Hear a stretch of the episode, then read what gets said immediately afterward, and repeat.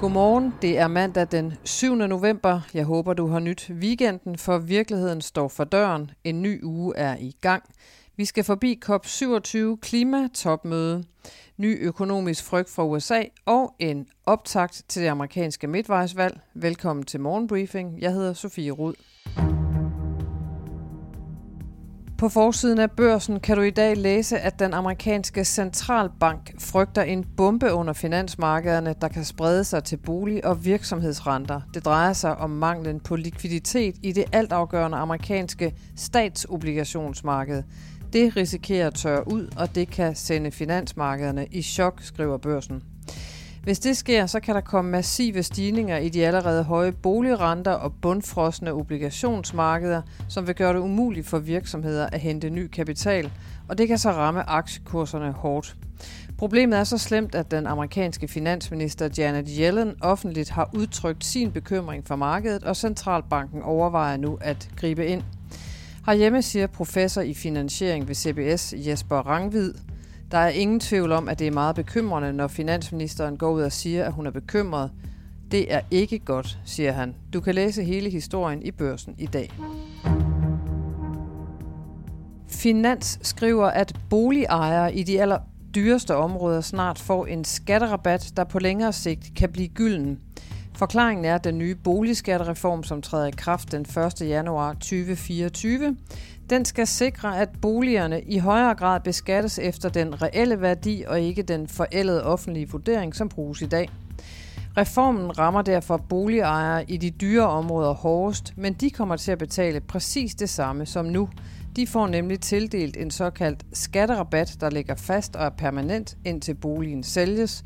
Rabatten, der gives for 2024, beregnes efter de rekordhøje boligpriser i 2022 og det kan blive guld værd for de pågældende, hvis priserne falder. Rabatten ligger nemlig fast og bliver altså hverken sat op eller ned, skriver Finans. Pensionskassen PKA's direktør, han hedder Jon Johnson, og han vil have en global CO2-afgift, det skriver børsen bæredygtig.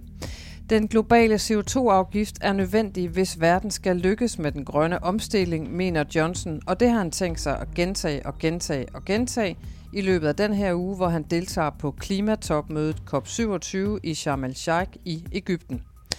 Johnson repræsenterer på COP27 sammenslutningen af kapitalforvaltere Glasgow Financial Alliance for Net Zero, som blev skabt ved sidste års topmøde. Selvom eksperter kalder opgaven med at få en global CO2-afgift nærmest umulig, så giver Johnson ikke op.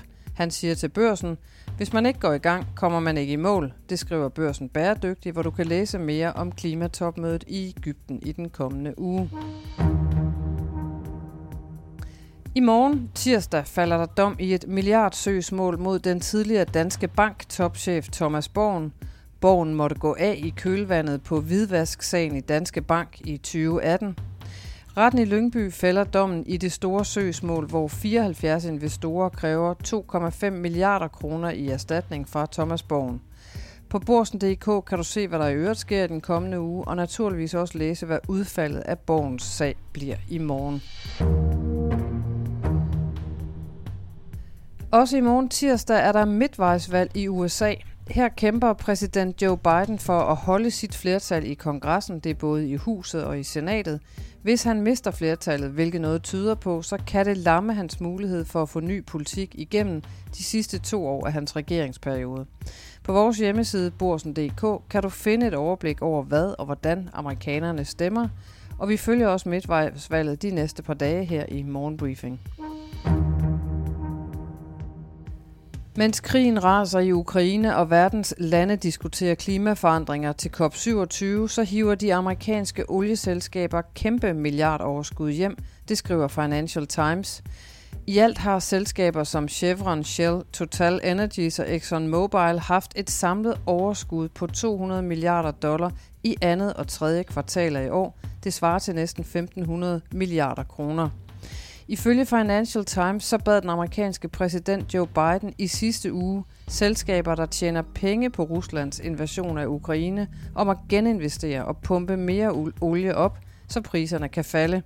Ellers vil Biden bede den amerikanske kongres om at ramme olieindustrien med skatter på den ekstraordinære indtjening, det skriver Financial Times.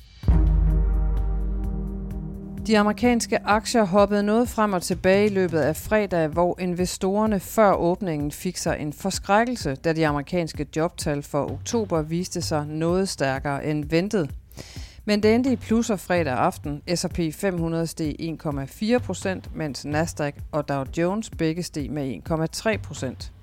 De stærke amerikanske jobtal varsler fortsat stigende renter, men det var ikke nok til at slå det hjemlige C25-indeks ud af kurs fredag.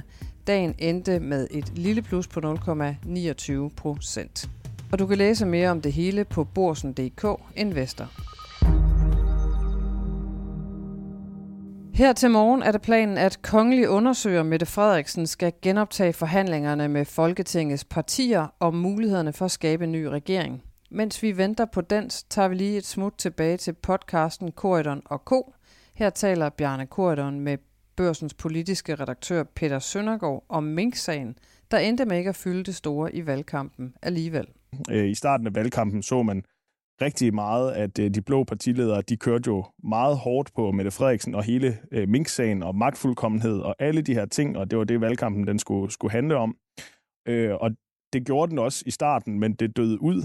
det har jo også vist sig ikke at være den rigtig øh, strategi. Jeg tror måske, jeg selv har siddet i de tidligere podcast her og sagt, at, det har jeg også en klar erindring om. At, at, øh, at det bør de køre på. Det, det, det, det, kan være, de blevet... det er meget hederligt, det der, øh, eller ja, præventivt nu tager, nu tager at tage det frem. Ja, ja, ja, ja. Øh, og det gjorde de, og man må bare konstatere, at danskerne er, har, har tilgivet, eller har været ligeglade, eller hvilke ord man nu kan sætte på det, på den her øh, mink-sag. Ja. Øhm, i Nordjylland, i øh, den stemmekreds, der hedder Gyld, som hvis nok er det sted i Danmark, der lå allerflest øh, minkfarme, mm. øh, før de blev lukket. Altså, der, der er der over 30 procent, der stemt på Socialdemokratiet. Ja. Og Mette Frederiksen øh, slår også Inger Støjberg ret stort øh, i Nordjylland på personlige... Godt, godt 60.000 Ja, lige præcis, ja. på personlige stemmetal.